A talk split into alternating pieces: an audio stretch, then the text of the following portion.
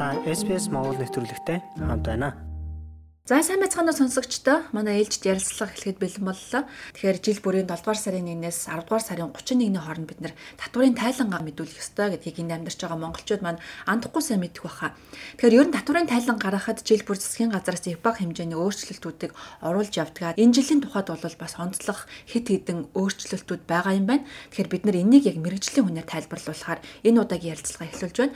За манай өнөөдрийн зочин За нодон ч гэсэн бид хоёр яг энэ сэдвээр ярилцаж байсан. За Expert Business and Tax Advisor компанид татварын нэгтлэн бодогчоор ажилладаг Цэлмэг энэ жилийн татварын тайлангийн онцлогийг тайлбарлахад бэлэн болжээ. Та SBS Монгол нэвтрүүлэгтэй хамт байна. Бусад сонирхолтой нэвтрүүлгүүдийг SBS.com.cg Mongolian вебсайтаас хүлээн аваарай. Тэгээ бидний урилга хүлээж авсан маш их баярлалаа. За баярлалаа. Та бүхэндээ энэ өдрийн мэндийг хүргье. Энэ жилийн хувьд ямар ямар өөрчлөлтүүд байна? Ялангуяа энэ сүүлийн ковидоос хойш гэрээсээ ажиллаж байгаа офисын ажилчдад өөрчлөлтүүд гарсан харагдаж байсан. Энэ дээр та тайлбар өгөхгүй юу? Тийм, ерөнхийдөө бол тухайн татварын жилд ерөнхийдөө AT-г станд апдейт хийж явдаг юу юу өөрчлөгдсөн байна гэсгээ одоо хэлж байгаа. А working from home буюу гэрээсээ ажилласан тохиолдолд 52 цент байсан. Fixed rate буюу одоо ажилласан цаг тутам та гэрээсээ хэдэн цаг ажилласан тэрийгэ 52 центээр үржүүлээд татрын тайлан дээр одоо зарлаа тодорхойлдог байсан бол энэ жил 52 цент маань 67 цент болж өссөн байна. Тэгэхээр бүхэл одоо 15 центээр тий өсчихсөн. Тэгэхээр энэ нас нөгөө гэрээсээ ажиллаж байгаа хүмүүст хасагдах зардал өсөж өгнө гэсэн. Хасагдах зардал өсөж өгнө гэдэг маань таны татвар ногдгоорлоо буураад таны төлөх татвар багасж өгнө гэсэн.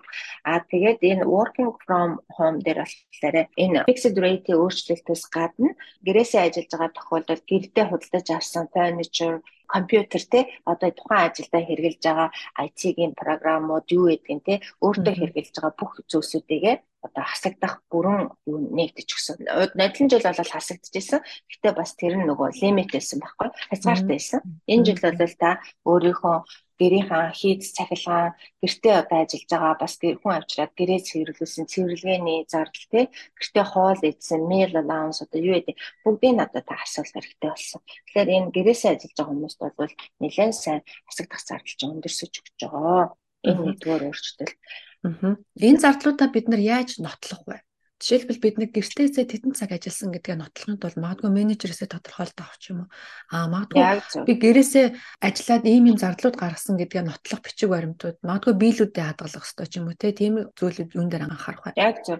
Гэрээсээ ажиллаж байгаа тохиолдолд бол тэр тухайн газрынхаа ажиллаж байгаа газрынхаа менежер буюу супервайзертай имэйл бичилцэж одоо гэрээ хийсэн байж болно, амаараа тохирсон байж болно, эсвэл хөтөлбөрийн гэрээ хийж болно. Ийм гурван гэрээгээр зохицуулагдаад нотлох баримтуудынхаа ресептүүдийг одоо компьютер худалдаж авсан бол компьютер худалдаж авсан ресепт гар утас фурничер тавилга худалдаж авсан бол компьютерийн сандал ширээ те тухайн ажлыг хийхэд зарцуулагдаж байгаа бүх юмнууд орно. Гол нь э, ресептүүдийг цуглуулад сайхан хадгалаад очих хэрэгтэй. Энд дээр нэг зүйлийг асуумаар байна. За би нодны авсан компьютер энэ жил ашиглалаа гэж бодоход дахиад шинэ компьютер авсан гэж баримт оруулж болох уу? Эсвэл нодлон та компьютер авсан байх шүү гэж харагдах уу? Болохгүй. А компьютер бол ерөөсөө нөгөө илэгдлийн зарлаар тооцогддог учраас тухайн тухайн жилдээ яг тухайн компьютерийн нэг жилийн илэгдлийн зарлаг багасж тооцсон гэсэн. Яг нь ер нь ажлын хэрэгцээнд жишээлбэл энэ жил лаптоп очоод дараа жил би ингээд десктоп авмаар байна гэдэг десктоп авсан гэж болно. Тэрийг бол тухайн менежер чинь зөвшөөрөөд одоо танд аппров өгсөн байх хэвээр. Тэгхийн бол магадгүй бас дахиад та хоёр компьютерийн илэгдлийн зардлыг нэмээд оруулаад өгч болно гэсэн. За энэ жилийн татварын тал мэдүүлэгтэй холбоотой эхний өөрчлөлт бол энэ гэрээс ажиллаж байгаа хүмүүсийн rate нэмэгдсэн байна. Өөр ямар өөрчлөлтүүд байгаа вэ? Өөр болохоор нөгөө машинтай холбоотой car expenses а машина жилдээ хэрэглэж байгаа хүмүүсийн нөгөө хоёр арга байдаг. Тэрний километр цент буюу тэр одоо нөгөө километр тутам төлдөг байсан, одоо хасагддаг байсан зардал нэмэгдсэн. Энэ 72 цент байсан 1 км тутам. Энэ маань 78 цент болж өөрчлөгдсөн. Жишээлбэл ерөнхийдөө максимум жилдээ 5000 5000 км-аас дээш одоо travel хийсэн бол автоматар 5000 хамгийн максимум нь 5000 км гэж авдаг байхгүй хууч одоо 3600 доллар хасагддаг байсан бол энэ маань одоо 78 центээр үржүүлээд 3900 болж одоо өссөн байгаа. Тэгэхээр таны машины машинтай холбоотой зардал чинь 300 доллараар өссөн байна. Энэ ингээд хоёр дахь өөрчлөлт.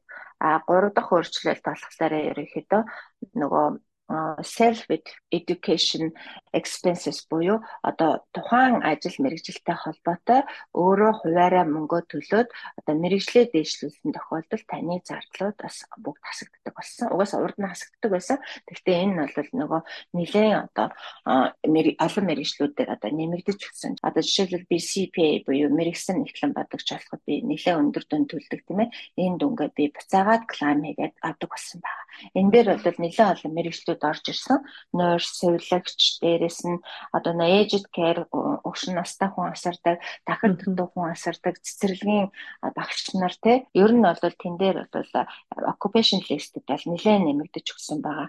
Гэтэ энэ нь нөгөө нэг шууд ингээд өөрөө бас нэмэхгүй тухайн ажил олгогч таныг тэр тухайн ажилтай ч холбоотой тийм сургалтанд цуйсан бол хасагдаж байгаа. Энэ occupation list-д одоо жишээлбэл манай монголчуудын олноор ажилладаг барилгын салбарын одоо янз янзын сертификатууд бас нэлээд авдаг. Энэ орсон байгуулав. Орн орн энэ орсон нөө white card тэгээд нөгөө foreign work-ийн авдаг RIW card тий ерөөсөө нөө 300-аас 500 доллар төлдөг. Тэр итгэл одоо нөө TAFE сураад тэр төлбөрөө төртөл орно. Яагаад гэвэл тэр хүнийг тухайн ажил олгогч та энэ курсыг заавал төгссөн байх ёстой. Ийм сертификаттай байх юм бол та манад ажиллах ёстой гэдэг шаардлага тавиад тэр хүн өөрөөсөө хувьяасаа мөнгө гаргаад сурсан бол энэ бүгд эргүүлээд клайм хийж одоо энийгээ зардалтад өгч болно гэсэн. Аа. Энэ өстой мэдмээр юм байна. Заавар ямар өөрчлөлтүүд байгаа вэ? За энэ хоёр тэр төрөний гэрээсээ ажиллах энэ машины километр метод энэ нөгөө листүүд нэмэгдсэн. За тэрнээс гадна бол нэг онцгийн бол өөрчлөлт ороогүй. Татрын хувь хэмжээ бол яг хэвээр байгаа. Дээрээс нөгөө нэг бид нар ерөнхийдөө central leg гэж манайх юм бидж байгаа тий. High risk setting гэх pandemic payment гэж байдаг. Энэ болохоор яг нөгөө энэ ковидын үеэр ажиллаж исэн одоо хүртэл нөгөө нэг ковидын тест авдаг хүмүүс тий. Дээрээс нөгөө маск, гар ариутгагч, gloves, бэлээ дээр хэрэгжилж байгаа одоо яг тухайн нөгөө high riskтэй орчинд ажиллаж байгаа хүмүүс 250 доллар apply гэж авдгийн. Энэ маань болохоор татвар навтахад орлого орлогын дүнд орохгүй.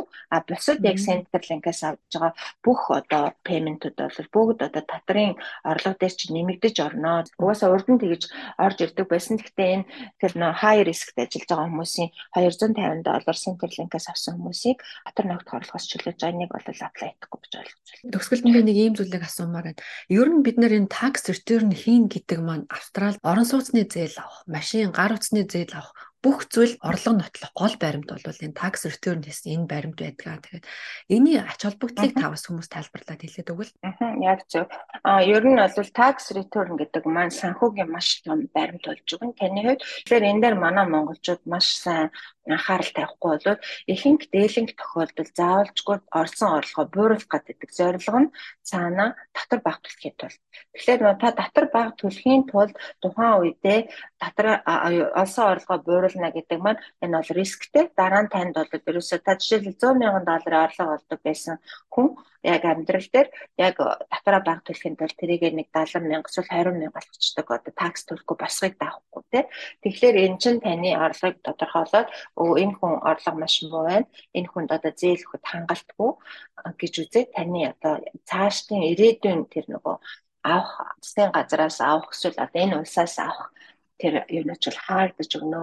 Ирээдүйдийн дудаа амьдрий PR-та болыг хүүхдүүдэд энэ ч сургууль соёл сургыг education loan юмд ерөөсөө энэ санхүүгийн баримт болж өгдөг учраас аль болох үнэн зөв олсон орлогоо тодорхойлоод тэр орлоготой холбоотой зардлаа хасаад татвараа үнэн зөвөөр мэдээлэх нь маш чухал шүү. Тэгээд бодлоо юм хийгээд ивэл тэгэл угаасаа тэр чинь ерөөсөө шалгалтаар баригдал гараад ирнэ. Тийм учраас анхнаасаа тухайн амьдарч байгаа улсынхаа хууль журмыг дагаад яг үнэн зөв татраа мэдээлээд ингээ явах юм бол таны татвар төлөлт таны орлогыг тодорхойлох хамгийн том үндсэн санхүүгийн баримт. Тэгэл дахин дахин хэлмээр байна да. Ер нь бидний энэ оруулж байгаа баримтуудыг бидний мэдүүлж байгаа татварын тайланг үнэн зөв бодтой эсхийг ATO яаж шалгах юм бэ? Ер нь намайг шалгаж байгаа юу? Шалгаж байгаа. Ерөөсө татвар төлөгч болгоныг ер нь ATO шалгахад маш амархан Ерөөсөл ATO юу шалгадаг вэ гэхээр орлого мэдээж хөдлөхгүй. Таны олсон орлого бол тухайн ажил залгагч таны орлогыг ATO-р өөрснөө мэдээлж байгаа шүү дээ. Зардал дээрээ ерөөсөө татвар төлөгчнөр дандаа буруу нөгөө өндөр дүнгээр клайм хийж тавьдаг. Тэрүүгээр нь л ATO шалгацдаг. Тэгээ эрсдэлтэй гэсэн тохиолдолд жинхэнэ аудит ороод таны нөгөө холбогдох бичиг баримтыг чинь асуудаг. Энэ зардал дээр яг энэ 100000 доллар тавьсан байна. Энэ яг ямар ямар нотлогдох баримтуудаа явуулна гэдэг ингээд шалгачдаг. Тэгэхээр та нар ингээ асуух зүйл авах юм бол над руу бол дуртай үедээ асуултаар бичиж байгаарай. Би тань нарт аль болох цаг зав зарцуулаад асуултанд сайхан хариулаад өгнө. За маш их баярлалаа цаг зав гаргаж ярилцсанд бид баярлалаа. За баярлалаа. Тэгээ та бүхэндээ бас энэ Австралид улсад ирээд ажиллаж амьдарч байгаа бүх монголчуудаа одоо наадмын албан баярын төрөг одоо наадам удахгүй болгож штэ бүгдээрээ сайхан наадаарай тийм ингэж баярын мэнд хүргье. За баярлалаа. Үүнтэй адилхан бусад нэвтрүүлгийг сонсомоор байна уу? Apple Podcast, Google Podcast, Spotify эсвэл та өөрийнхөө сонсдог апп ашиглан манай нэвтрүүлэгтэй хавд байгаарай.